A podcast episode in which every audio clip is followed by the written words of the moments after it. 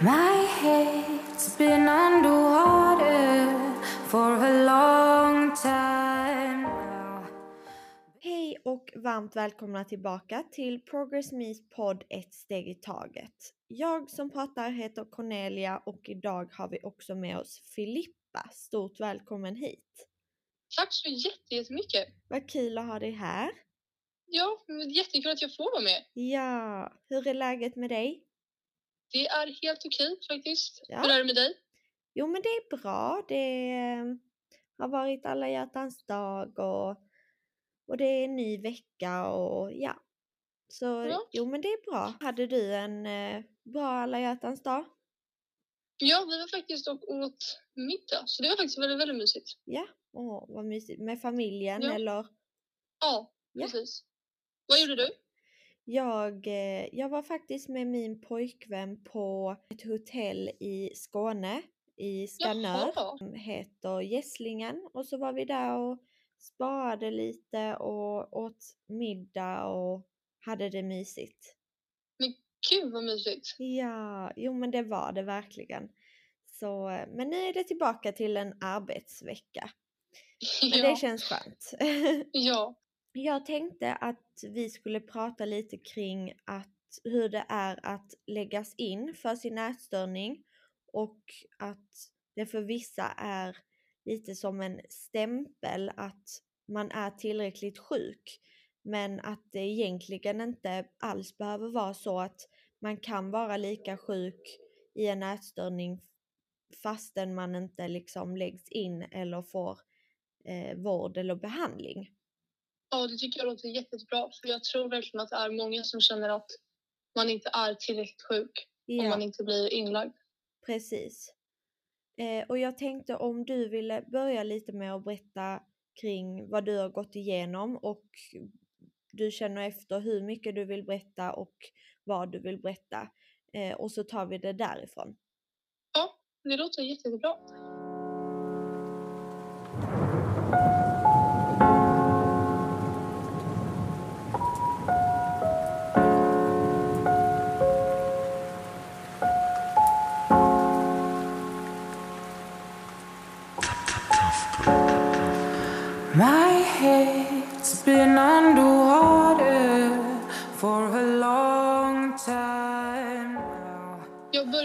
Min alltså ätstörning, anorexi, väldigt tidigt. Det gick i fyran, femman.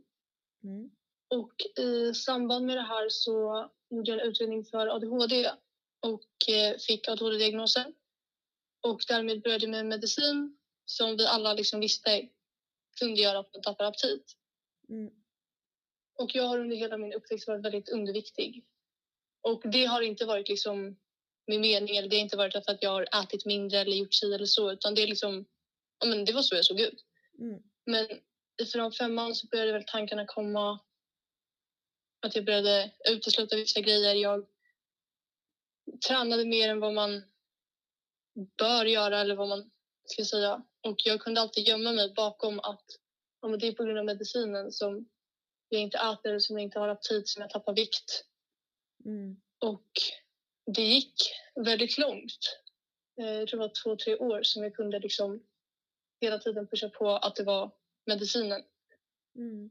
som gjorde att det blev så. Men sen slutade jag med medicinen och då blev det väl väldigt, väldigt tydligt för alla runt omkring att det nog inte var medicinen som var bekymret.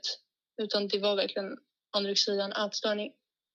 Precis. Och det fick mig verkligen att liksom... Det är så svårt att beskriva hur det känns att ha anorexia för jag tror inte så många kan tänka sig in i hur det är att ha det när man inte haft det. För att man tänker ständigt på mat, man tänker ständigt på kalorier. Alltså allt kretsar kring det och det blir att man isolerar sig själv, man tappar vänner, man... Jag fungerade inte riktigt i skolan alls. Eh, och med tanke på att min hjärna inte fick tillräckligt med, ja, men med fett, med energi, med liksom kalorier så blev det att jag tappade väldigt mycket ord. Jag tappade minne. Jag kunde inte komma ihåg hur man... Alltså jag hade jättesvårt ibland att prata för att jag kunde inte säga en mening för jag tappade ord. Jag var så himla alltså, sjuk att det Mm. blev så mycket som drabbades. Mm. Ehm, och jag blev sjukskriven sista året i nian på grund av anorexi och sen fick jag gå om.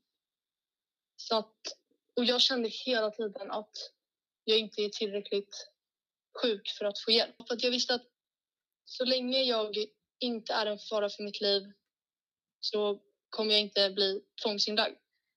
Så att oavsett om jag skulle haft möten på SEA men inte åkt dit så skulle ingenting hända. Men så fort det är en fara för mitt eget liv, då kan man bli inlagd. Och det var däremellan som jag ja, men fastnade liksom mellan stolarna. Så att jag visste att okay, det här kommer krävas för att jag ska läggas in. Så, så länge jag har kontroll, för man känner ju att man har kontroll när man har anorexia, fast det är typ det man verkligen inte har. Mm. Men någonstans så bara slutade liksom hela jag att fungera. Alltså verkligen allt var anorexia. Alltså allt, allt, allt. Jag kände inget, inget kul med livet om jag inte hade min anorexia. Mm. Och då började jag faktiskt med någonting som heter TikTok. Jag vet inte om du vet vad det är? Jo, TikTok. Jo. Mm.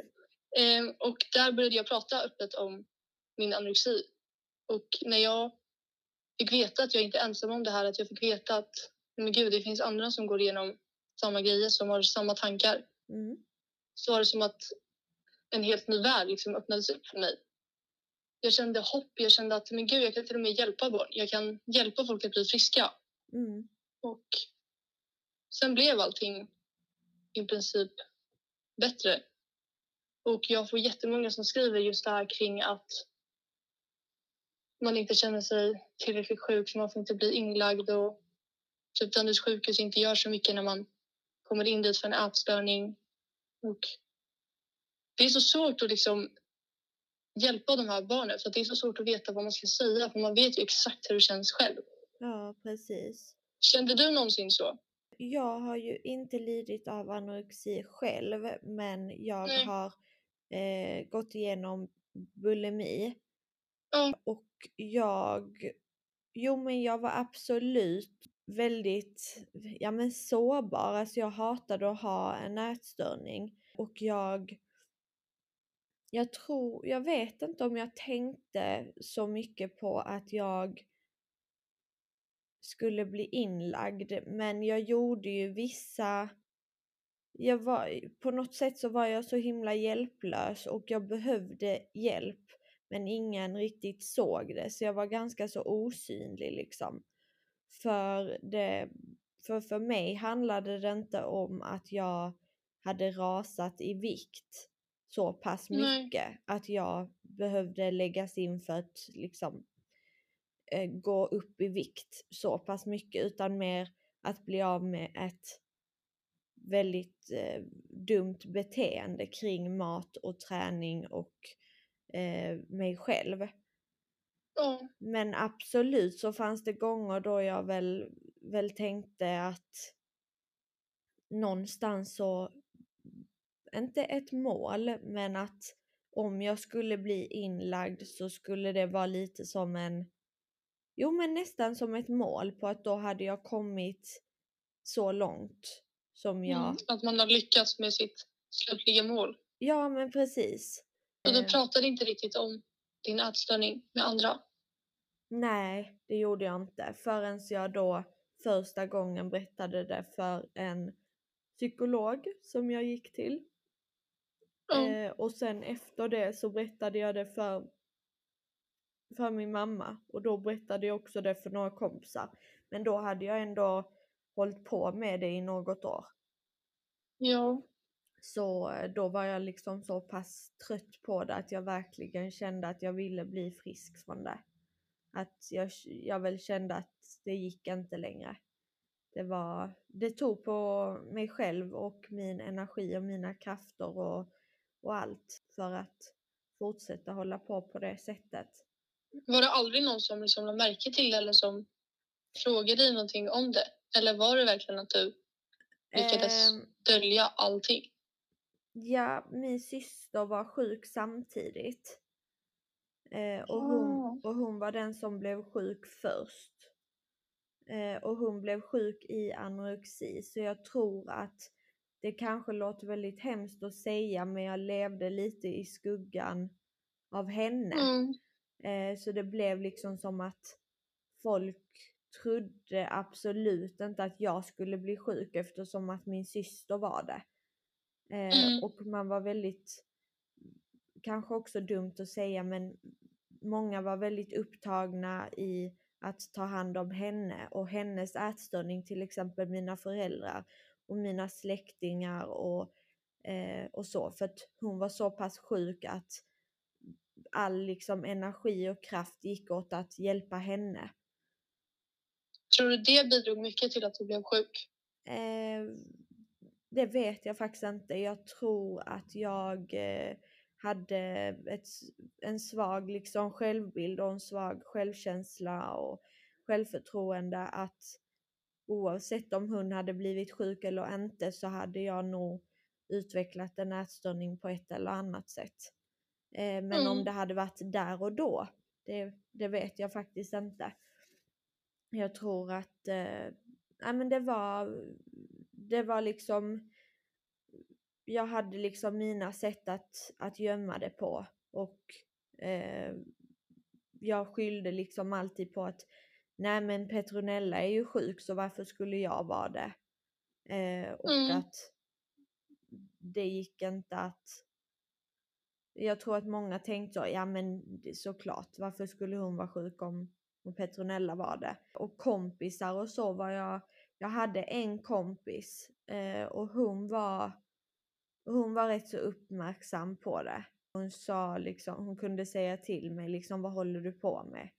Jag märker, varför, varför kollar du, varför kollar du innehållet på den där? Så där ska du Mm. inte göra. Eller varför ska du inte ha pommesarna? Om vi skulle beställa typ eh, korv och pommes. Mm. Eller alltså sådana konstiga grejer som jag liksom hade för mig i olika perioder. Och hon, mär, hon märkte av det men det var inte, i, inte många andra faktiskt. Mm. Förrän jag då berättade det. Men vad var det som fick dig att bara liksom, nej men nu vill jag verkligen bli frisk? Var det Eh, verkligen att ditt, alltså du bara inte orkade mer? Alltså du kände väl att det här funkar inte? Eller vad var det som fick dig att bara, ja, nej nu vill alltså- jag bli frisk? från första dagen att jag hade, fick min ätstörning liksom så kände jag nog att detta är inte jag. Detta, alltså Ja. jag är, jag är inte min ätstörning, jag vill inte ha den. Jag hatar, alltså jag hatar den verkligen och jag tyckte att den förstörde jättemycket för mig. Det var så mycket kul som jag gick miste om som jag egentligen hade kunnat göra om det inte var på grund av min ätstörning. Och jag Mm. hade så mycket vänner och folk runt omkring mig som hade en så normal liksom bild och relation med träning och, och mat. Att de liksom, för dem var det helt normalt att i skolan ta, eh, ta det goda alternativet som kanske var så här friterad fisk med remouladsås och potatis. Medan för Mm. mig så skulle det då vara att ta, ta något helt annat. Då skulle jag ta vid salladsbordet vid sidan om liksom. Mm. Eh, Men när du fick sådana kommentarer om att, men när din kompis frågade varför tar du inte pommes, varför tar du inte si, varför tar du inte så? mm. Hur kände du då? då gick jag nog nästan i försvar och skyllde på något annat. Det var ju liksom alltid att nej men alltså jag gillar ju inte pommes eller jag är jättemätt för jag åt så här mycket igår eller jag, eh, ja en massa olika liksom, en massa grejer som jag skyllde på för att Mm. komma undan med att jag inte tog pommes den gången eller jag inte gjorde det. Och sen jag Men tror du hon såg igenom den då eller? Ja, just hon gjorde nog. Mm. Sen hade jag ju, jag fick ju ofta kommentarer kanske så i, i skolan om, för att jag var rätt så mycket med ett tjejgäng och så var det några killar som ofta också var med oss. Eh, Mm. Och min bästa tjejkompis hon tog alltid, hon tog liksom den här, om jag kan säga så, men normala maten, alltså vad som serverades. Alltså eh, då till exempel panerad fisk med remouladsås och potatis eller köttbullar och potatis och gräddsås.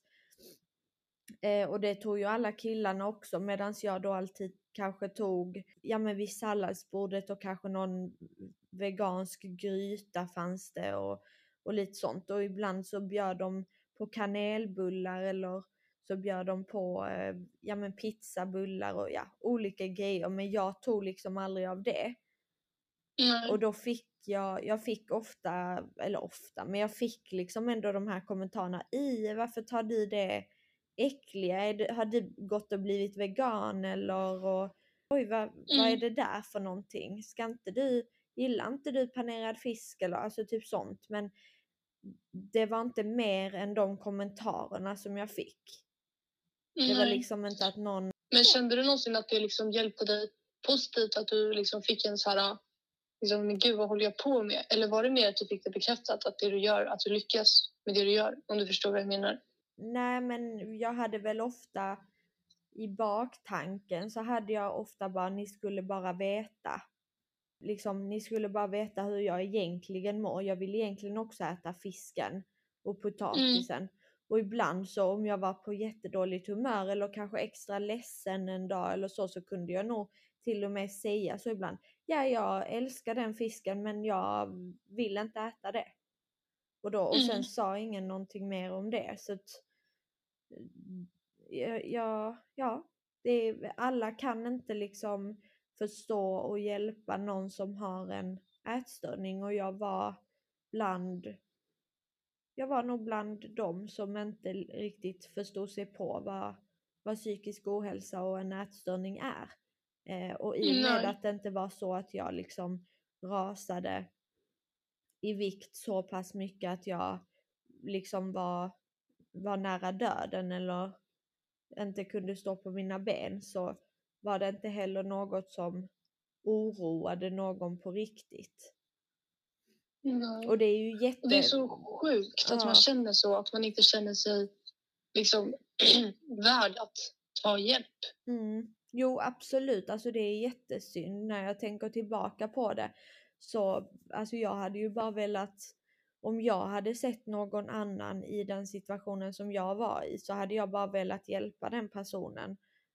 Um, och liksom i dagsläget så hade jag hjälpt personen. Men där och då så är det mycket liksom saker runt omkring och man vet inte hur man ska ta sig an ett sånt sorts problem och, och allt vad det är liksom. Alltså det, det är ju inte alla som, vi alla är bra på olika saker. Det är inte alla som vågar eller vill eller kan prata om sådana känsliga saker. Nej. Och vissa förstår inte det. Så, och det är ingen att, att beskylla för det utan tyvärr är det bara så att Ja. ibland hamnar man bland folk som kanske inte förstår en helt och hållet men de är bra på andra saker.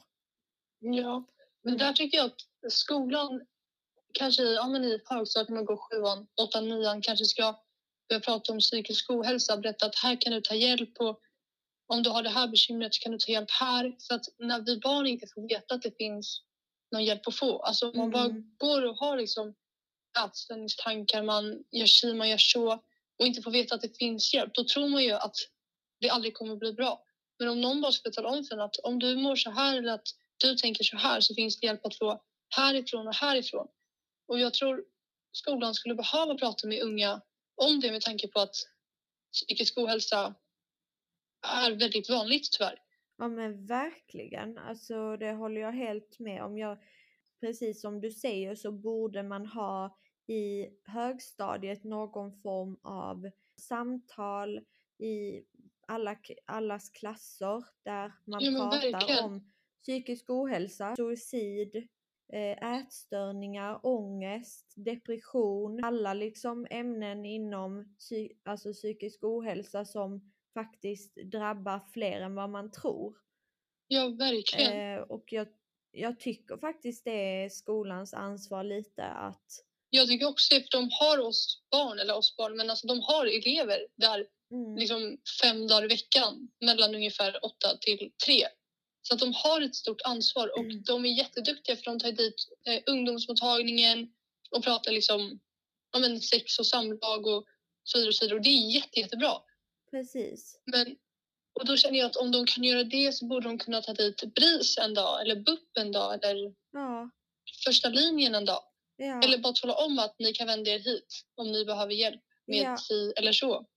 Ja men verkligen, det har du helt rätt i. Vi får helt enkelt se till att komma ut till skolorna och se om vi kan göra det.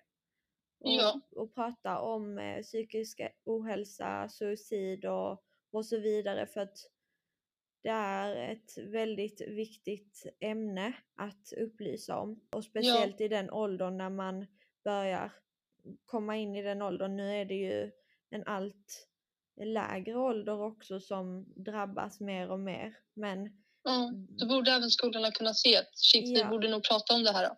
Ja men precis.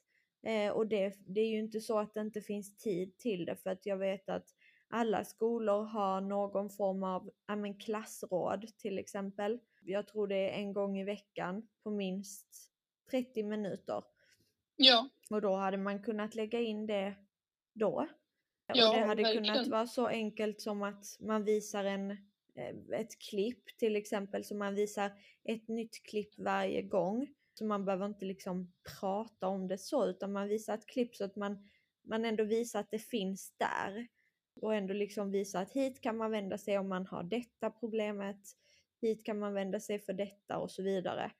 jag tror att när man inte får veta att det finns hjälp, då blir man väldigt tyst om det för att man skäms eller man känner sig som en utomjording på den här planeten. För det känns som att man är så ensam i det och att Mm. man då gräver ner sig ännu mer. Man blir ännu mer sjuk, man blir ännu mer deprimerad, man får ännu mer ångest för att man känner sig så ensam.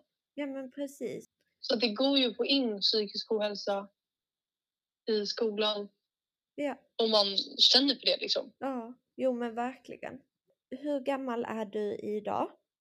Jag är 17, för det är faktiskt 18 den 28 februari. Oh, jag fyller år den 20, då är du också fisk.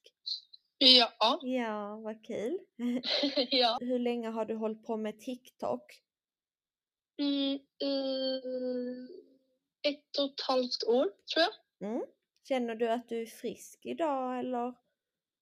Det kommer verkligen i perioder. Just Mm. de senaste veckorna så har jag fallit tillbaka. Mm.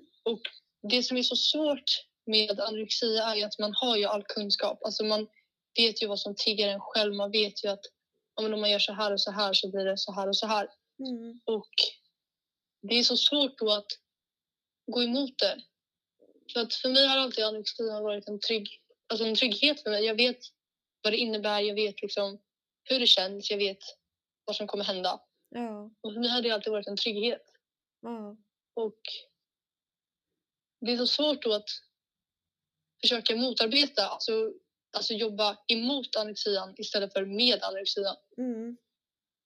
Jo, jag, Men, jag eh, förstår absolut. För så är det ju för många att varför det just är svårt att bli frisk från en ätstörning eller att ja, men bli fri från den är ju just för att man känner sig så pass trygg i den. Man känner att ätstörningen är allt man har eller allt man är. Eh, och då är Ja. det jättesvårt att tänka hur ens liv hade varit utan ätstörningen och hur man hade mått. Man tror ju ofta att man kommer må sämre eh, om man blir frisk för man kopplar det till olika grejer att om man är frisk, ja men då kanske man väger så här mycket och en största rädsla när man är sjuk i en ätstörning är ju ofta att man kommer gå, alltså att man ska gå upp i vikt. Mm. Eh, och därav så, ja, så är ju det, då är tryggheten att liksom ha, ha ätstörningen som sin bästa vän, att hela tiden liksom veta och ha kontrollen eh, kring att man fortfarande är sjuk. Ja, verkligen. Och jag tror att det handlar mycket om att man man måste nog intala sig själv någonstans att precis som Ebba sa i förra avsnittet att tankar är inte sanningar. Att dina tankar är inte sanningar. Alltså att det som du tänker, till exempel att men ätstörningen är bäst för mig, är Mm. egentligen inte sant. För man kommer inse när man väl blir frisk att det är så mycket, att det är så underbart att leva. Ja. Eh, och jag tror att det, det är väldigt svårt att förstå det när man inte har tagit sig dit såklart. Eh, och att Nej, verkligen inte. när man liksom sitter fast i det och, och är sjuk så, så är det ju jättesvårt. Mm. Är du helt frisk? Jag är helt frisk idag ja. Det är jag. Vad skönt. Ja, verkligen. Och det är en befrielse och något väldigt bra som jag eh, önskar att jag alltid kommer att vara liksom. Ja. Det, det sista jag skulle vilja bli är att bli sjuk igen. Mm. Men hur känns det för dig att, att prata om det så här? För mig är det väldigt liksom skönt för jag vet att det hjälper säkert andra att veta att man inte tänker alltså på en sak helt själv, att man inte är så ensam om sina tankar. Mm. Och sen är det alltid skönt att kunna prata om det för då känns det mer som att okej, då får jag mer makt. För att oftast när man har en ätstörning, inte alltid men oftast för mig i alla fall har det inneburit att anorexian vill tysta ner mig. Jag ska aldrig prata om anorexian, jag ska aldrig nämna någonting kring anorexians tankar. Och när jag gör det så blir anorexian svagare. Mm. Så för mig funkar det ganska bra att prata om det. Och jag brukar faktiskt prata med en gammal lärare. Och hon sa en gång att någon sak som alltid sitter kvar i mitt huvud som är, alltså det är så bra sagt att två steg fram en dag och ett steg bak en annan dag är ändå ett steg i rätt riktning. Ja. Och det får mig att liksom känna att det är helt okej att en dag inte klara av att stå emot Mm. tankarna men att andra dagen försöka. Så det har faktiskt hjälpt mig massor. Ja. ja men det, det är ju helt rätt. Det är precis som att vi har döpt vår podd till ett steg i taget. Alltså just det här att man att varje steg räknas. Att Ja. om du har tagit ett steg till att bli frisk så har du verkligen gjort det. Och om du sen faller tillbaka eller tar ett steg tillbaka då det liksom, det gör inget.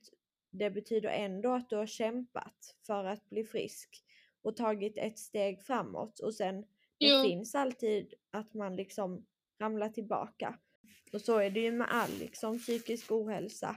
Att Ja. det kan vara att man mår dåligt eller man kommer in i dåliga perioder då man tänker extra illa om sig själv eller man är extra stressad eller eh, på dåligt humör eller känner extra ångest.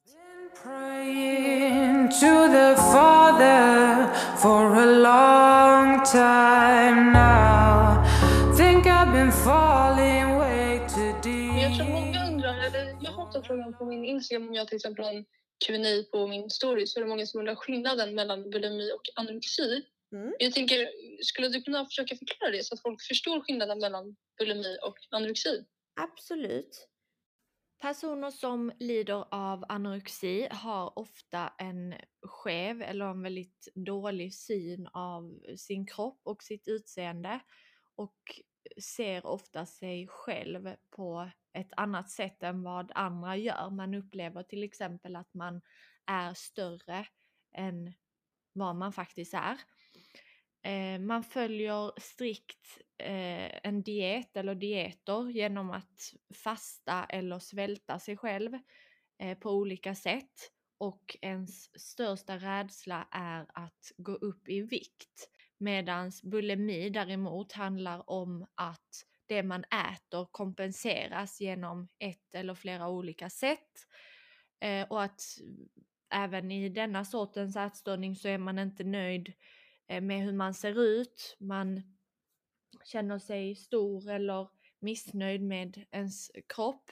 Eh, och detta gör att ens relation till mat består av en ständig ångest och har kontrollbehov kring eh, det man stoppar i sig eh, och att när man då har ätit så får man ångest och eh, blir beroende av att kompensera maten. Och när du lider av bulimi så kan det vara så att du kommer till ett stadie som man kallar för uxhungern. Eh, som är när du har när kroppen helt enkelt känner av att du är hungrig eller du är sugen på något som kroppen inte har fått. Eh, till exempel protein, fett eller socker eller kolhydrater. Eh, och detta behöver kroppen naturligt men du har inte tillåtit dig själv att äta detta på ett tag till exempel. Och då kommer du till en punkt som kroppen inte längre kan låta bli att äta detta och då äter du istället väldigt mycket eh, och sen kompenserar. Och det är detta tillfället eller om detta händer så kallas det för oxhungern. Och visst kallas det även hetsätning? Hetsätning, ja precis. Eh, Mm. Men hetsätning kan ju också vara en, eh, en ätstörning i sig själv. Att du kan, eh, alltså du hetsäter ofta utan att kompensera till exempel. Men att du får perioder då du eh, äter så pass mycket att du liksom, nej men din kropp skriker efter vissa grejer för att du har inte ätit dessa grejerna på ett långt tag. Och så vill din Mm. kropp egentligen ha de här till exempel kolhydraterna eller fettet eller eh, proteinet eller annat. Ja. Eh, och så det är hetsätning kan vara en eh, liksom ätstörning i sig.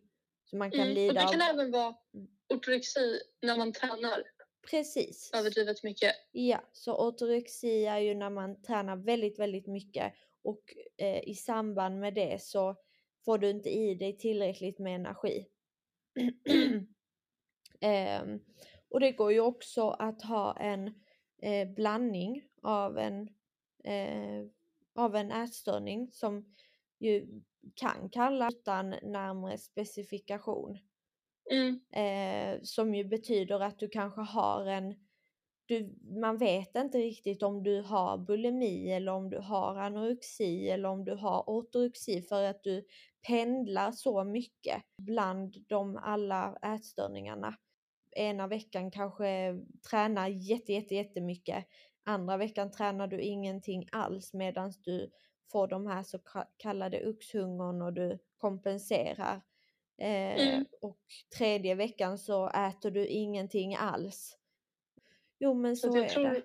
alla, eller alla ätstörningar går lite, lite in i varandra på ett eller annat sätt. Absolut. De, det gemensamma är ju just tankesättet kring att eh, målet på något sätt är att man vill gå ner i vikt eller man tycker att man själv är för stor eller att man eh, får ångest av att eh, stoppa mat i sig eh, eller ja, att inte kompensera eller att träna för lite. All, alla de här faktorerna är ju liksom gemensamma för alla ätstörningar. Bara att Mm. man har dem av olika liksom utsträckning i, i de olika ätstörningarna. Ja, och därför tycker jag också att det borde vara lika mycket liksom hjälp och uppmärksamhet till alla diagnoser. För det känns lite som att den mesta uppmärksamheten går till anorektiker. Mm. Och jag tror då att personer med ortorexi eller bulimi känner någonstans att de inte är värda att få hjälp. De känner sig inte liksom, klara med sitt mål. Förstår du vad jag menar? Jag tror de lägger sig en press på sig själv för att samhället Ja, har gjort, eller ger mer uppmärksamhet till anorektiker för en bulimiker. Och en anorektiker kan ju må exakt lika dåligt psykiskt. absolut. Eh, och jag tror att i många fall varför man läggs in eh, som anorektiker är för att man är i så pass fysiskt dåligt skick. Alltså att man väger så pass lite att det handlar om liv och död. Ja, Och det är självklart att man måste ta det på stort allvar. Men sen hjälpen kring att till exempel ge behandling till en anorektiker eller en bulimiker eller någon som lider av ortorexi borde absolut vara lika eh, stor. För en Ja. person med bulimi måste verkligen lära sig att kunna äta någonting utan att kompensera. Och en person med ortorexi måste absolut lära sig att man behöver inte träna tre gånger om dagen eller träna för att man ska förtjäna att äta en viss måltid. Jo. Eh, lika mycket som en anorektiker behöver hjälp med att inte vara rädd för att äta. Nej, precis. Så eh, det ska absolut tas på lika stort allvar. Det har du helt rätt i. Och sen så just det här med om det handlar om liv eller död. Det är ju såklart att, att de personerna som, som har kommit så pass långt ska få direkt behandling eller direkt eh, ja, men ak- akut vård liksom. Mm. Men jag förstår helt vad du menar. Eh, och det var lite det ju, ju vi också liksom ville komma fram till i det här avsnittet. Att vi, vi båda två tycker att ja, men det känns så fel när mångas mål är att bli inlagda. Eller det är Mm. en stämpel på att man är eh, tillräckligt sjuk. Ja. Eh, För jag, tror att, Ja. jag tror att det är många som blir ännu mer sjuka i sin ätstörning för att man anser att man inte kommer få hjälp förrän man är si eller så sjuk.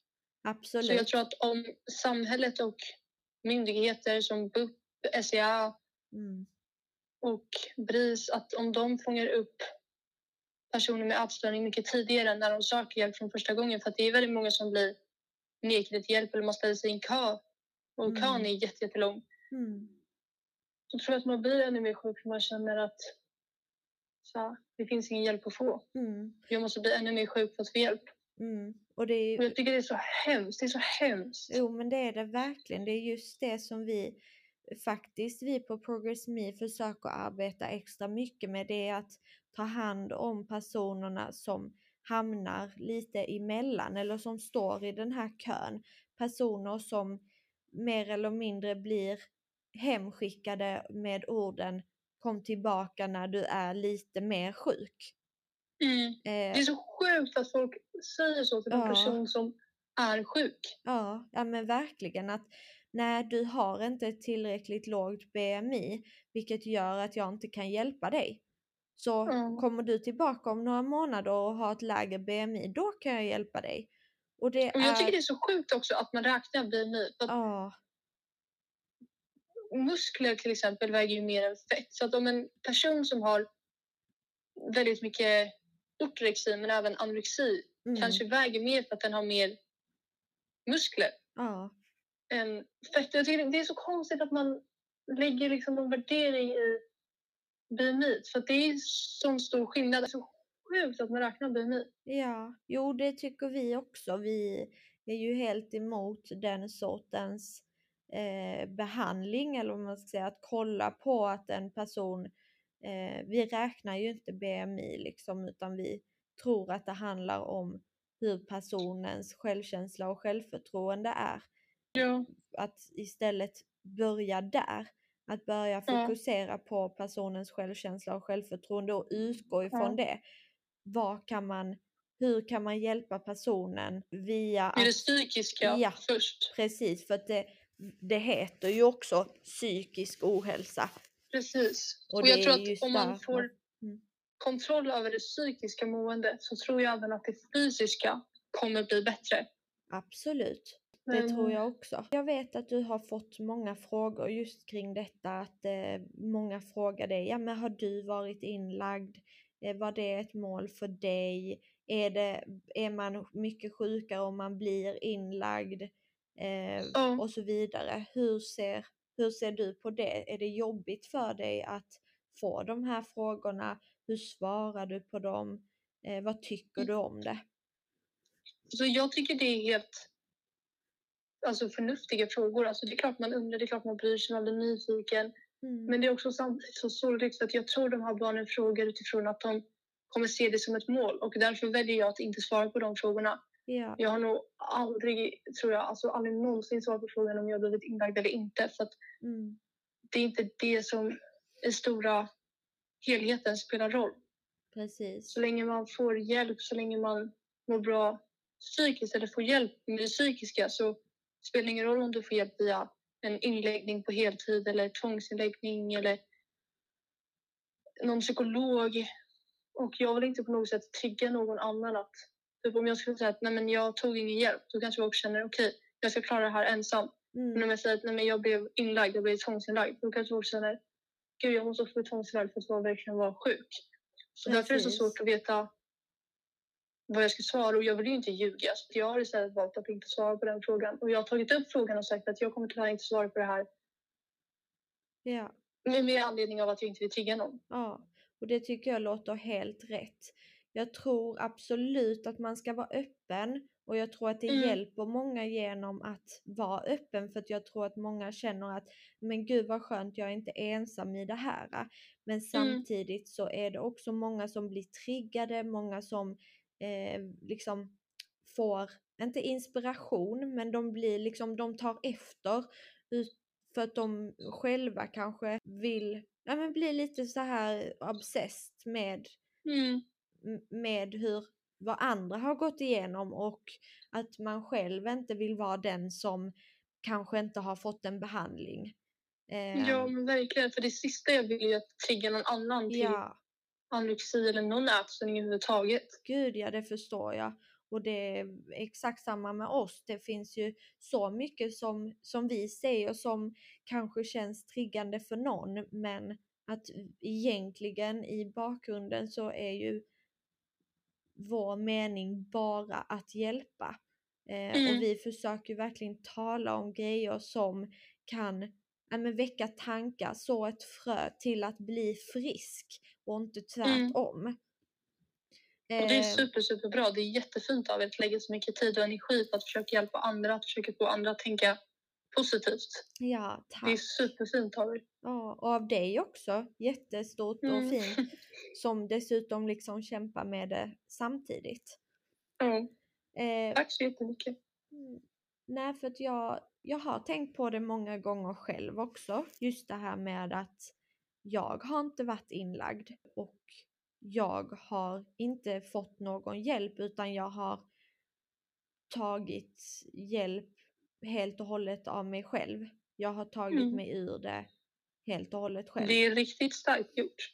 Ja, jag tror att det krävs att man är envis, mod, det krävs eh, men, lite kämpaglöd och styrka. Ja men absolut.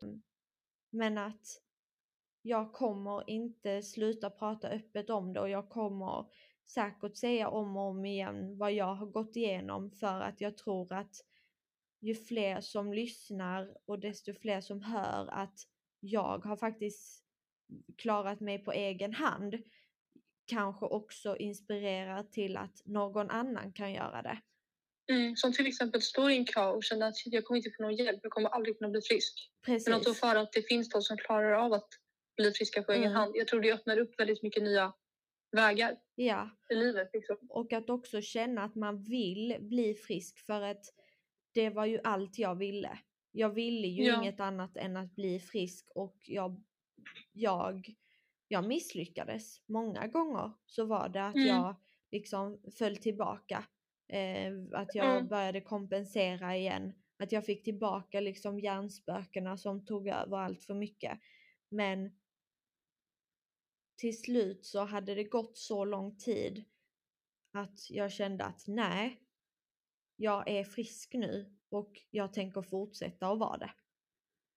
Mm. Ehm, Det är superstarkt av dig att kunna Tack. erkänna det för sig själv. För Ja. man känner sig oftast, eller jag kände mig så misslyckad varje gång jag kände att nej men gud, jag kunde äta utan att få ångest. mm, Jag har kunnat äta det här utan att tänka på vad det innehåller utan att ställa mig på vågen efteråt. mm, Och då kände jag mig istället misslyckad. Jag kände det som något negativt. ja.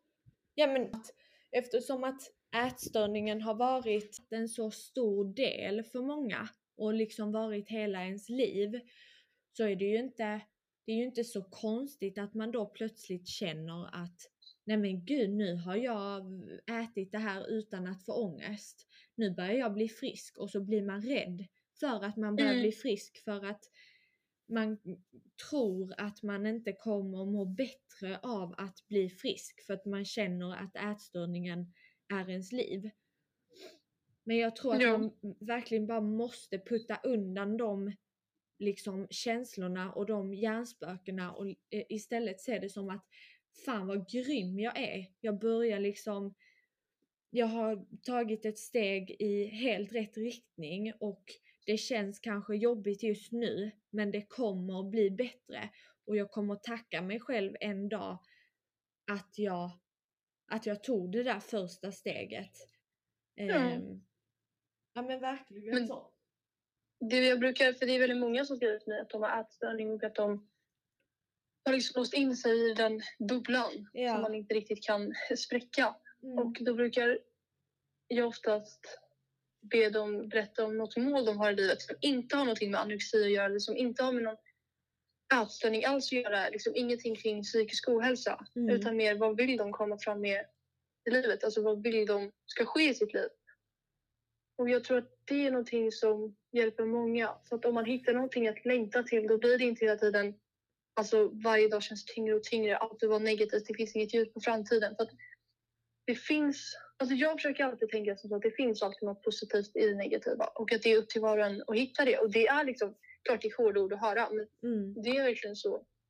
Och jag tror att det viktigaste är att hitta någonting man längtar till som får en att, men gud vad kul det här ska bli. Då tror jag även att en del av anorexian eller ätstörningen försvinner för att man liksom, vad heter det? man lyfter upp sig själv. Man, blir liksom, man får sin egen röst hörd istället för ätstörningens röst. Ja men precis, det har du helt rätt i. Och att det liksom, precis som du säger, att det finns alltid något positivt i det negativa. Att till exempel eh, så, så pratar man ju ofta om att hade jag inte gått igenom det här tuffa så hade jag heller inte blivit så stark som jag är idag. Mm. Eh, och jag vet också att Tanja sa det att det låter hemskt men eh, allting har sin mening. Och att Mm. det är såklart inte meningen att någon ska få en ätstörning men tyvärr så drabbar det vissa. Eh, Ja. och att, men när man väl, om man tar sig ur det så kommer man inse hur mycket, hur mycket skit man har gått igenom men hur fint liv man faktiskt har. Man kommer uppskatta allting på ett helt annat sätt. Man kommer liksom verkligen. inse att ätstörningen tog, alltså ätstörningen tog en del av mitt liv men den gjorde också mig starkare. Mm. Det var som igår, för vi var på buffé. Ehm, och Mm. det var liksom första gången som det var så här... Gud vad kul det ska bli att ta efterrätt. Innan har det alltid varit att shit vilken ångest, hur ska jag göra med efterrätten? Jag vill ju äta men jag kan inte äta. Hur ska jag gömma att jag inte vill äta? Vad, vad ska ske? Och igår var det verkligen så här, åh snart är det efterrätt, snart är det efterrätt. Ja, Och det är så fint när man tänker så, för man tänker liksom att men jag wow för typ två år sedan, då tänker man ju att Ja. det här kommer aldrig hända, jag kommer aldrig uppskatta en buffé. Ja, Men helt plötsligt så gör man verkligen det. ja, Som vissa andra tar liksom för givet att men det är klart man vill äta efterrätt. Men det Ja. är inte så klart för alla. nej, så är det ju. Men vad Mm. starkt att du gjorde det, alltså verkligen. Och att du liksom ändå, ja men att du klarar av att berätta kring det idag. Och att du Mm. liksom ändå fortfarande har ja, men en glädje i att prata kring det. Ja, Och sen kanske det har varit, känts jobbigt för dig någon, någonstans under dygnet eller du kanske känner att det känns jobbigt ikväll eller, eller vad som. Ja. Men du har i alla fall tagit steget och det är sjukt starkt gjort. ja. Tack så jätte- For a jättemycket.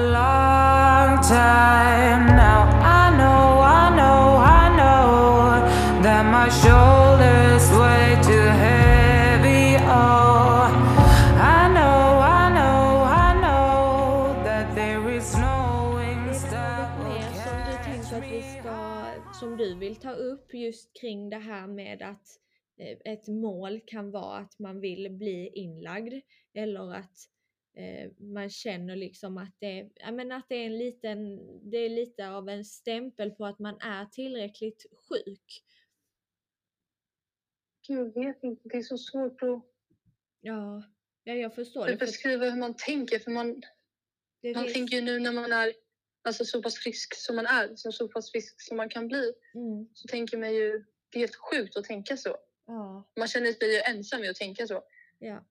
Men jag vet ju också hur självklart det är att kunna tänka så när man väl är sjuk. Mm. Och det är så svårt att försöka vägleda någon och försöka tänka på något annat sätt för att jag vet inte hur man ska göra så. För jag kände aldrig någonsin att det inte var ett mål. Förstår du vad jag menar? Mm. Så jag vet verkligen inte vad man ska säga men det är väl att bara att inte försöka jämföra sig med andra. För jag, det är ju Ja. väldigt lätt att jämföra sig med andra. Ja, gud ja. Att, Och att det inte är någon tävling i vem som är sjukast. nej. Om du mår dåligt för någonting så är det helt okej att söka hjälp om det. Oavsett om någon annan har det värre eller har det mildare. Så att Mm. du mår dåligt är värd att få hjälp. Ja. Och jag, jag kan säga att det, det fina, eller vad man ska säga, det, eller nej, kanske inte det fina, men det, en sanning i det hela är ju faktiskt att alla, ingen ätstörning är den andra lik. Alla går igenom något helt unikt. Eh, Mm. och det finns mycket som man kan känna, känna igen sig kring i sin egna historia, i andras historier. Till exempel, jag har en kompis som eh, hon har också eh, gått igenom en ätstörning eh, och vi har en, en hel del som liksom Ja, men det påminner så mycket om varandras ätstörning, vad hon gick igenom och vad jag gick igenom.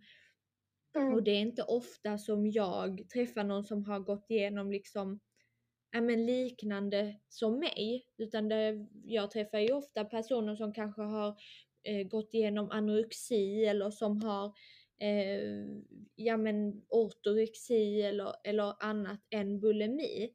Eh, och, men jag tror att det är viktigt att tänka på att alla, alltså man ska inte jämföra sig. Alltså det är lätt att säga för att jag själv kan liksom jämföra mig än idag även fast det inte är att jag jämför mig med någon annans ätstörning utan kanske med en annan person. Men att det är så, varje gång jag jämför mig så liksom nästan, alltså jag slår inte till mig själv men alltså nästan som att lägg av med det där. Det är liksom så onödigt. Vi, Ja, vi, vi är bra som vi är och exakt Precis. samma eh, gäller ätstörningen fast tvärtom. Att man ska inte jämföra sin egna ätstörning med någon annans. Att nej men gud Nej. min ätstörning är ju inte lika farlig som hennes så jag kanske måste bli lite sjukare. Det är liksom, så är det verkligen inte att din ätstörning är lika eh, den bör tas på lika stort allvar som någon annans ätstörning. Verkligen. Eh, för att jag har ju verkligen varit i den situationen att min ätstörning togs inte på allvar. Jag blev inte sedd, men jag tror också det berodde mycket på att och det tror jag också att många runt omkring kan göra, att man skäms för sin ätstörning. Ja. Och jag, för jag skämdes något otroligt. Jag ville ju inte berätta om att jag hade en ätstörning. Det var typ min största hemlighet. Det var något som jag såg som var jättepinsamt. Att liksom, Mm. om någon sa att jag hade blivit smal eller att jag inte åt det där eller att jag alltid tränade eller så. Det, jag tog inte det som en komplimang utan jag tog det som att det var något, något jobbigt för jag ville inte ses som sjuk. Till Mm. skillnad från väldigt många som ser det som att att ses som sjuk eller ses som smal eller att det syns att man har en ätstörning eller att man blir eh, påpekad att man har en ätstörning är ju ett mål eller en, en Mm. stämpel för Men så många. kände jag. Mm. Jag kände alltid att det var bekräftelse att någon bara, men gud vad smal du är. Ja, Smal du är. Eller varför äter du inte det där? Du är så här, shit jag lyckas. Jag kommer lyckas med ja. Gå ner i vikt. Mm. Och jag tror det är så individuellt, att det är så olika hur man känner just kring det. Men att det är att det, det är viktigt både för personer runt omkring att tänka sig för vad man säger. Att det är inte alltid så positivt att säga till någon, Nej. men gud vad du är smal. Precis, att- jag tror man tänker att det är en positiv komplimang. Alltså man Ja. tänker att det är en komplimang. Men det kan ju trigga så oerhört mycket. Ja men verkligen. På många och jag sätt tycker och inte vis. man ska någonsin kommentera någons kropp oavsett. Nej. Och det är samma om någon skulle sagt, men gud vad stor du är.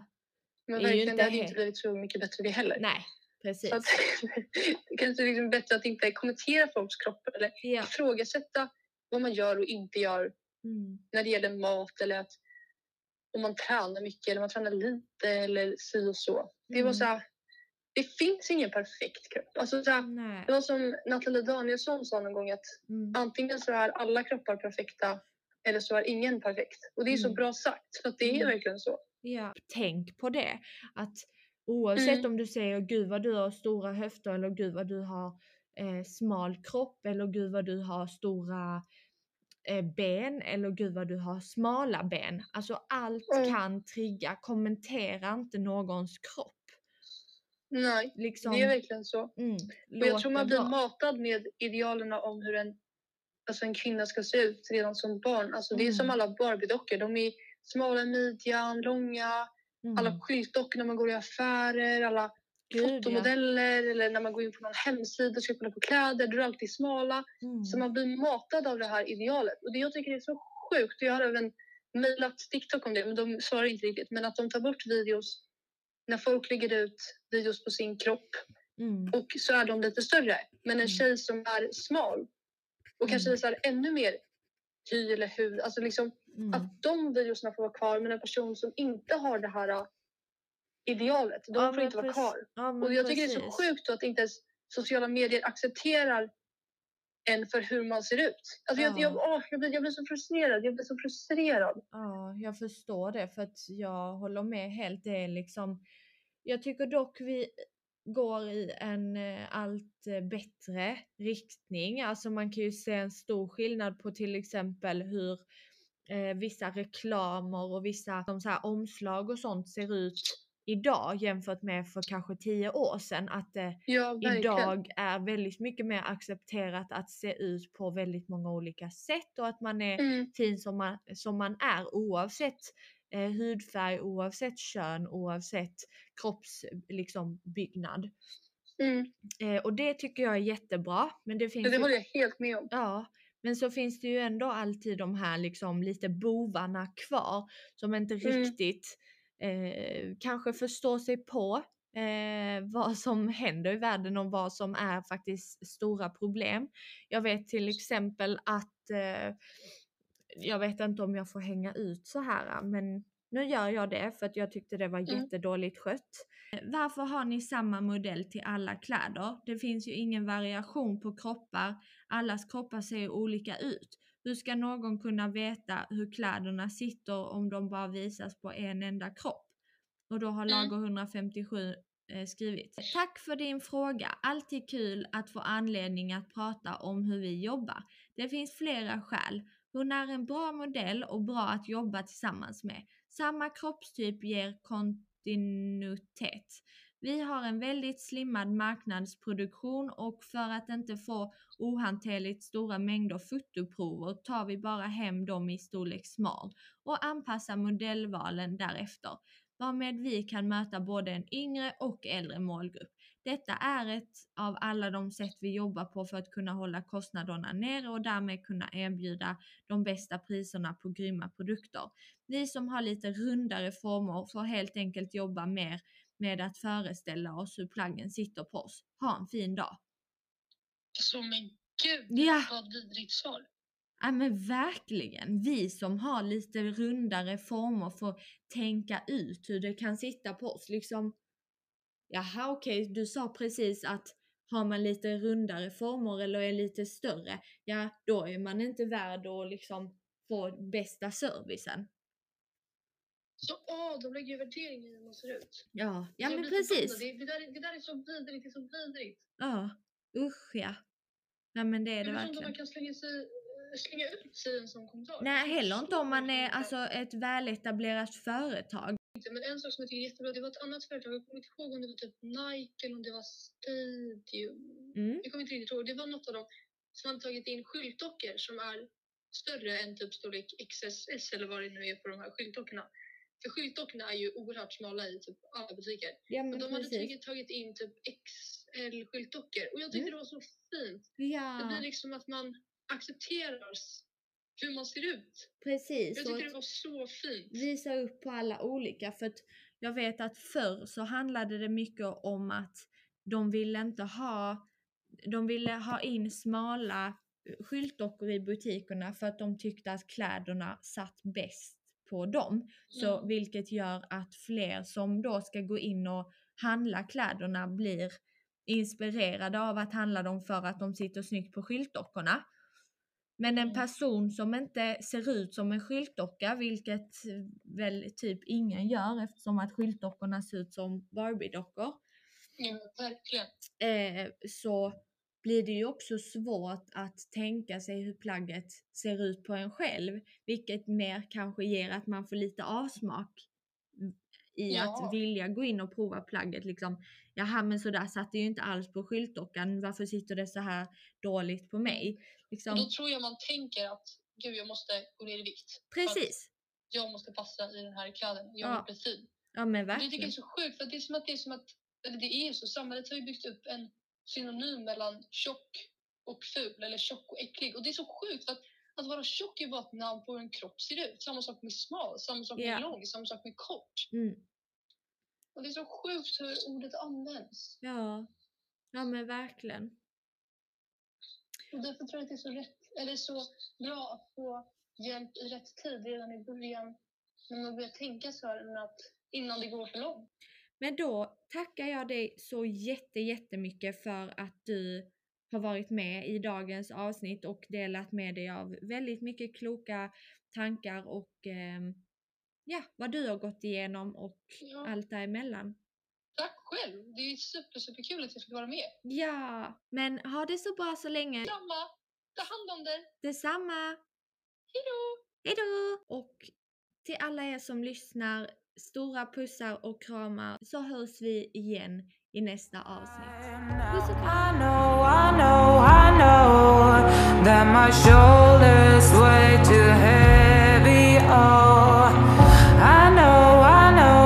know that oh, there is no